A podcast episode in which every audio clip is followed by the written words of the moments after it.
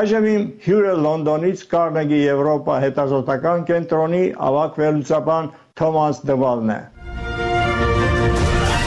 Բարև ձեզ Թոմ, ողջունում եմ ձեզ իմ Կիրակնորյա ծրագրում շնորհակալություն ինձ ժամանակ տրամադրելու համար։ Անցյալ ամիս դուք շատ կարևոր վերլուծություն եք հրապարակել հայ-ադրբեջանական հակամարտության վերաբերյալ, որը վերնագրված է Հայաստանի գոյաբանական պահը։ Վերնագիրն ինքնին շատ խոսուն է, ինչ եք կարծում։ Սա իսկապես Հայաստանի համար ոչռորոշ գոյաբանական պահ է։ Կարող եք ընդհանուր առմամբ բացատրել, որից հետո մենք արդեն մանրամասն կխոսենք։ Իհարկե, դե վերնագիրն իմը չէր, բայց անկասկած, սա շատ վճռորոշ, կարևոր ինչ որտեղ վտանգավոր պահ է Հայաստանի համար 2024 թվականին։ Երկիրը կանգնած է թերևս ամենադժվար ընտրությունների առջև, համեմատելի 1980-ականների վերջին կամ նույնիսկ 1920-ականների իրավիճակի հետ։ Խոսքն իհարկե Ղարաբաղի կորստի եւ այնտեղից հայ բնակչության փախուստի մասին է։ Սա լուրջ պահ է Հայաստանի համար, որը ոմանք համեմատում են 1920 թվականի կամ նույնիսկ 1915 թվականի ցեղասպանության հետ։ Սա նաև կլինի այն տարին, երբ Հայաստանը առերեսվելու է ոչ միայն Ադրբեջանից եկող սպառնալիքի, այլև Ռուսաստանի հետ հարաբերությունների կորստի կամ խզման սպառնալիքի հետ։ Այսպիսով 2024 թվականին Հայաստանին անկասկած սպասում են բազմաթիվ մարտահրավերներ։ Շուտ հայերի համար Ռուսաստանը ոչ միայն լքել է նրանց, այլև դավաճանել շատ դրամատիկ ձևով։ Եթե հայաստանցիների համար Ռուսաստանի դավաճանությունն ապացուցված մի բան էր, դեռևս Ադրբեջանի կողմից Լեռնային Ղարաբաղը գրավելուց շատ առաջ, ապա Լեռնային Ղարաբաղի հայերը դա հասկացան միայն այն բանից հետո, երբ ադրբեջանցիները հարձակվեցին նրանց վրա։ Ձեր վերլուծության մեջ դուք խոսում եք տարածաշրջանում Ռուսաստանի դերի հարավային Կովկասում Ռուսաստանի արտաքին արտաքին քաղաքականության փոփոխության մասին։ Դուք դա որակեցիք որպես արտաքին հարաբերությունների զգալի կառուցվածքային նորարարություն։ Բացատրեք խնդրեմ, ո՞րն է Հայաստանից այդչափ հեռանալու պատճառը։. Sure. Well, I mean, let's begin by saying that, of course, um, Սկսենք նրանից, որ իհարկե Ռուսաստանն այս տարածաշրջանում միշտ ունեցել է բազմաթիվ շահեր, թեև գուցե միշտ էլ ավելի ամուր հարաբերություններ է ունեցել Հայաստանի հետ։ Նա երբեք էլ չի հրաժարվել Ադրբեջանի հետ հարաբերություններից։ Եթե նայենք Ղարաբաղյան հակամարտության նորագույն պատմությանը, ապա կտեսնենք, որ եղել են պահեր, երբ Մոսկվան ավելի մոտ էր Բաքվին։ Օրինակ 1990-ից 1991 թվականներին։ Ռուսաստանի համար իր շահերն են առաջնահերթ եւ հայերի քրիստոնյա լինելու փաստը այնտեղ ավանդական պատմական հարաբերությունների արկայությունն այնքան էլ կարևոր չեն բայց վստահաբար Մոսկվան շարունակում է մնալ Հայաստանի անվտանգության հիմնական ապահովողը կա ռազմական դաշինք կան պարտավորություններ որոնք Մոսկվան ստանձնել է Հայաստանի հանդեպ ինչ փոխվեց Ակնհայտորեն վիճակը սկսեց փոխվել 2018 թվականի Թավշյա հեղափոխությունից հետո, երբ Հայաստանում իշխանության եկավ Նիկոլ Փաշինյանը, որը Մոսկվայի տեսանկյունից շատ ավելի անկանխատեսելի, անվստահելի գործընկեր էր։ Մինչդեռ Իլհամ Ալիևի Ադրբեջանում շարունակում էր մնալ շատ ավելի կանխատեսելի եւ վստահելի գործընկեր։ Դա փոփոխություններից մեկն էր։ Այնուհետև մենք տեսանք 2020 թվականի պատերազմը, երբ Մոսկվան միջամտեց միայն վերջին պահին։ Մինչ Ղարաբաղցիները ողջունեցին Մոսկվայի միջամտությունը, կարծում եմ, որ հայերն արդեն գիտակցել են այդ փոփոխությունը։ Կարծում եմ վճռորոշ պահը Ռուսաստանի ներխուժումն էր Ուկրաինա 2022 թվականի փետրվարին, որից հետո Ռուսաստանի առաջնահերթությունները փոխվեցին ու ամեն ինչ սկսվեց պտտվել Ուկրաինայի հետ պատերազմի, արևմուտքի հետ պատերազմի շուրջ։ Կովկասը երկրորդական է դարձել, ամեն ինչ այժմ երկրորդական է պատերազմական ջանքերի համեմատ։ Եթե նայեք թե ինչ ունենք տեղում, ապա կտեսնենք, որ մի կողմից Հայաստան, որ ունի ժողովրդավարական իշխանություն, որի մտադրությունները կարծես թե ավելի եվրոպամետ են, եւ կա Ռուսաստանի տեսանկյունից շատ ավելի վստահելի գործընկեր՝ իդեմս Ադրբեջանի։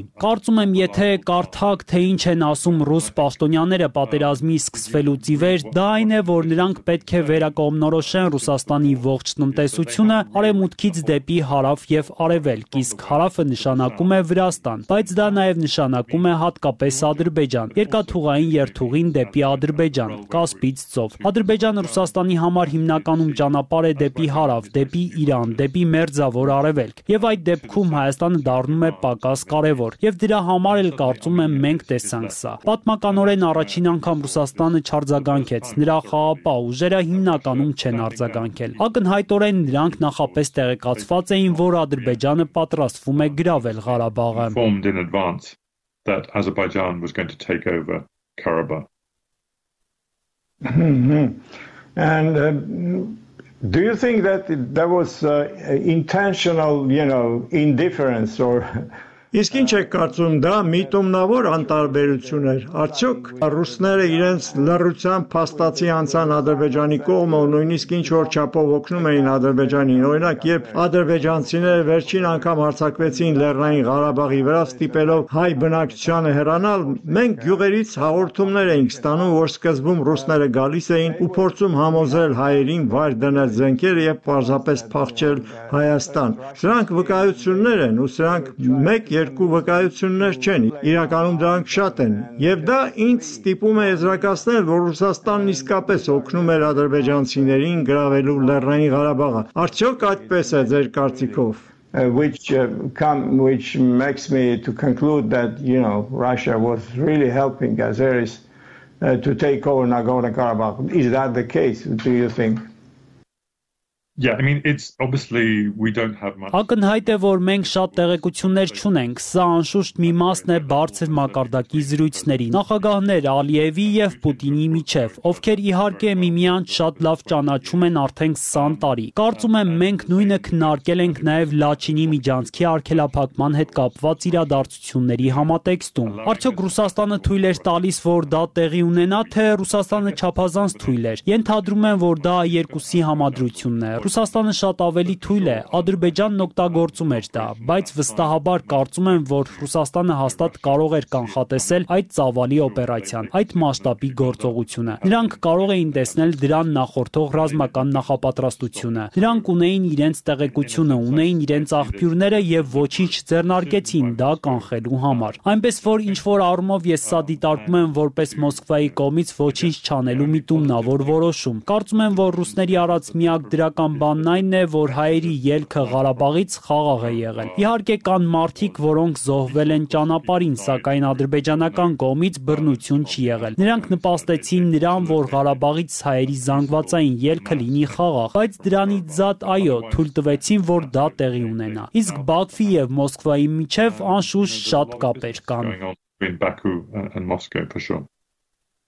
Երկար ժամանակ Հայաստանը մեծապես հենվում էր Մոսկվայի վրա իր արտաքին անվտանգության քաղաքականության հարցում, ըստ էության վճռական որոշումների կայացումը հանձնելով Ռուսաստանին։ Միայն վերջերս Հայաստանը քայլեր ձեռնարկեց այս կախվածությունից դուրս գալու համար, ձգտելով դիվերսիֆիկացնել իր արտաքին հարաբերությունները պաշտպանության եւ անվտանգության ոլորտում իր քաղաքականությունը։ Պատմականորեն թվում էր, որ առանց Մոսկվայի հավանության ոչ մի էական արտաքին քաղաքական ընտրություն գործունեություն չէր կատարվել։ Հատկանշական է, որ կար ժամանակ, երբ Հայաստանն ուներ արտաքին գործերի նախարար, որի ընտանիքի մերձավոր անդամները բարձր պաշտոններ էին զբաղեցնում Ռուսաստանում։ Խոսքս Էդուարդ Նալբանդյանի մասին է։ Նրաներն ու աներորդին շատ կարևոր քաղաքական դեմքեր էին Ռուսաստանում։ Այս լույսի ներքո արդյոք կարող ենք Հայաստանի ռազմական եւ աշխարհակաղակական անհաջողությունները վերագրել այն բանին, որ Հայաստանը երկար տարիներ ապավինել է Ռուսաստանին որպես իր անվտանգության հիմնական եւ միակ ապահովողը։ Well, I mean, let's begin Well, I mean, let's let's begin with the fact that of course Armenia Սկսենք նրանից, որ իհարկե Հայաստանը միշտ էլ փորձել է դիվերսիֆիկացնել իր արտաքին քաղաքականությունը։ Սա այդպես է եղել 90-ականներին Տեր-Պետրոսյանի օրոք։ Դա անվանում էին կոմպլիմենտար քաղաքականություն, երբ կային կապեր Եվրոպայի, ԱՄՆ-ի, Մերձավոր Արևելքի հետ։ Ռուսաստանը պետք է լիներ բազմաթիվ գործընկերներից միայն մեկը, բայց ինչպես դուք եք ասում ու շատ ճիշտ եք ասում, ռազմական եւ տնտեսական կախվածությունը Մոսկվայից շատ շատ ուժեղացավ հատկապես Ռոբերտ Քոչարյանի օրոք, երբ բոլոր տնտեսական ակտիվները փոխանցվեցին Ռուսաստանի վերահսկողությանը, երբ եղավ Գյումրիի ռազմաբազայի ընդլայնումը եւ այլն։ Այսպիսով դա էր իրականությունը եւ այդ կախվածությունը դեռ շարունակվում է։ Նայենք թվերին։ Հայաստանի գազի 80%-ից ավելին դեռ գալիս է Ռուսաստանից, Վրաստանի տարածքով։ Ցորենի 90%-ը գալիս է Ռուսաստանից։ Ակնհայտորեն Ռուսաստանի այդ առևտուրը շարունակում է կարևոր մնալու այդ առևտուրը կատարվում է Վրաստանի տարածքի միջոցով։ Երբ Ռուսաստանը փակում է Լարցի անցակետը, դա ազդում է Հայաստանի տնտեսության վրա։ Ազդեցության բոլոր լծակները դեռ կան, սակայն վստահաբար այժմ ջանքեր են գործադրվում հեռանալ դրանից։ Կարծում եմ ոմանք կասեն, որ դա այնքան էլ հմտորեն չի արվում, որ գուցե խելացի կլիներ ավելի շատ հեռվանալ ռուսական կախվածությունից եւ ավելի քիչ խոսել դրա մասին։ Բայց Նիկոլ Փաշինյանի այս իշխանությունը կարծես թե ավելի շատ է խոսում ու քիչ անում, որը գուցե ռազմավարական առումով այնքան էլ խելացի չէ, բայց հաստատ այդ փոփոխությունն այժմ ընթացքի մեջ է։ um, that shift is now underway.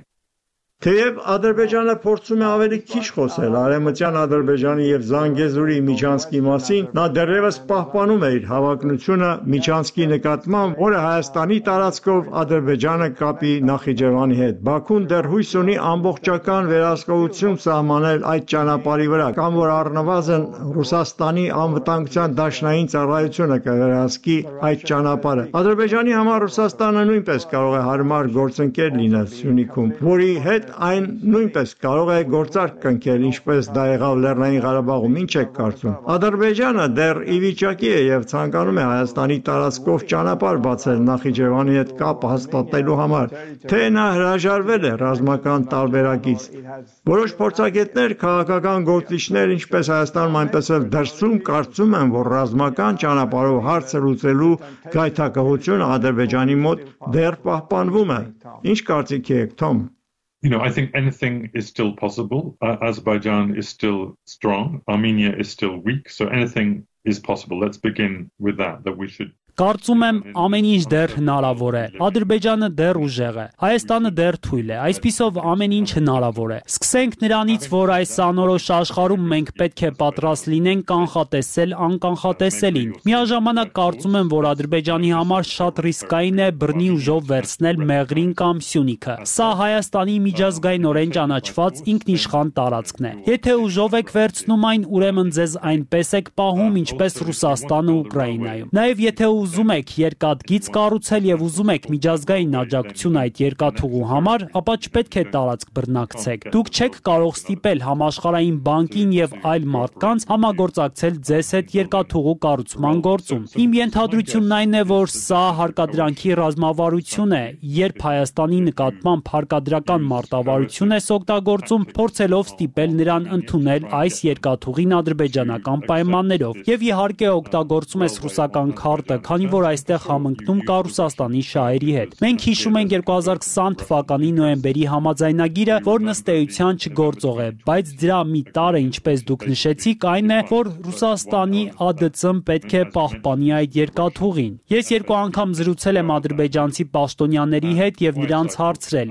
ինչու եք սատարում դրան։ Եվ նրանք ասացին, որ դա ամենալավ տարբերակն է։ Այսպիսով Ռուսաստանն ու Ադրբեջանը հստակ պայմանավորվել են այդ հարցում։ Իսկ դա Հայաստանի համար դժվար է, քանի որ ռուսներն արդեն տեղում են։ Նրանք արդեն տեղում ունեն սահմանապահ զորքեր։ Այնպես որ ես ավելի քիչ եմ ակնկալում լայնածավալ ներխուժում եւ ավելի շատ մեծ ճնշում եմ ակնկալում Հայաստանի վրա։ Դա ընդունելու համար։ Եվ ես ենթադրում եմ, որ Հայաստանի արեմտյան գործընկերների հարցն այն է, թե ինչ կարող են նրանք անել։ Կարող են դրա դիմաց ինչ-որ բան առաջարկել Հայաստանին, այլ ընտրանքային ռազմավարություն, որտեղ այս ճանապարհը կառուցվում է, բայց դառնում է միջազգային եւ ոչ միայն ադրբեջանա-ռուսական ճանապարհ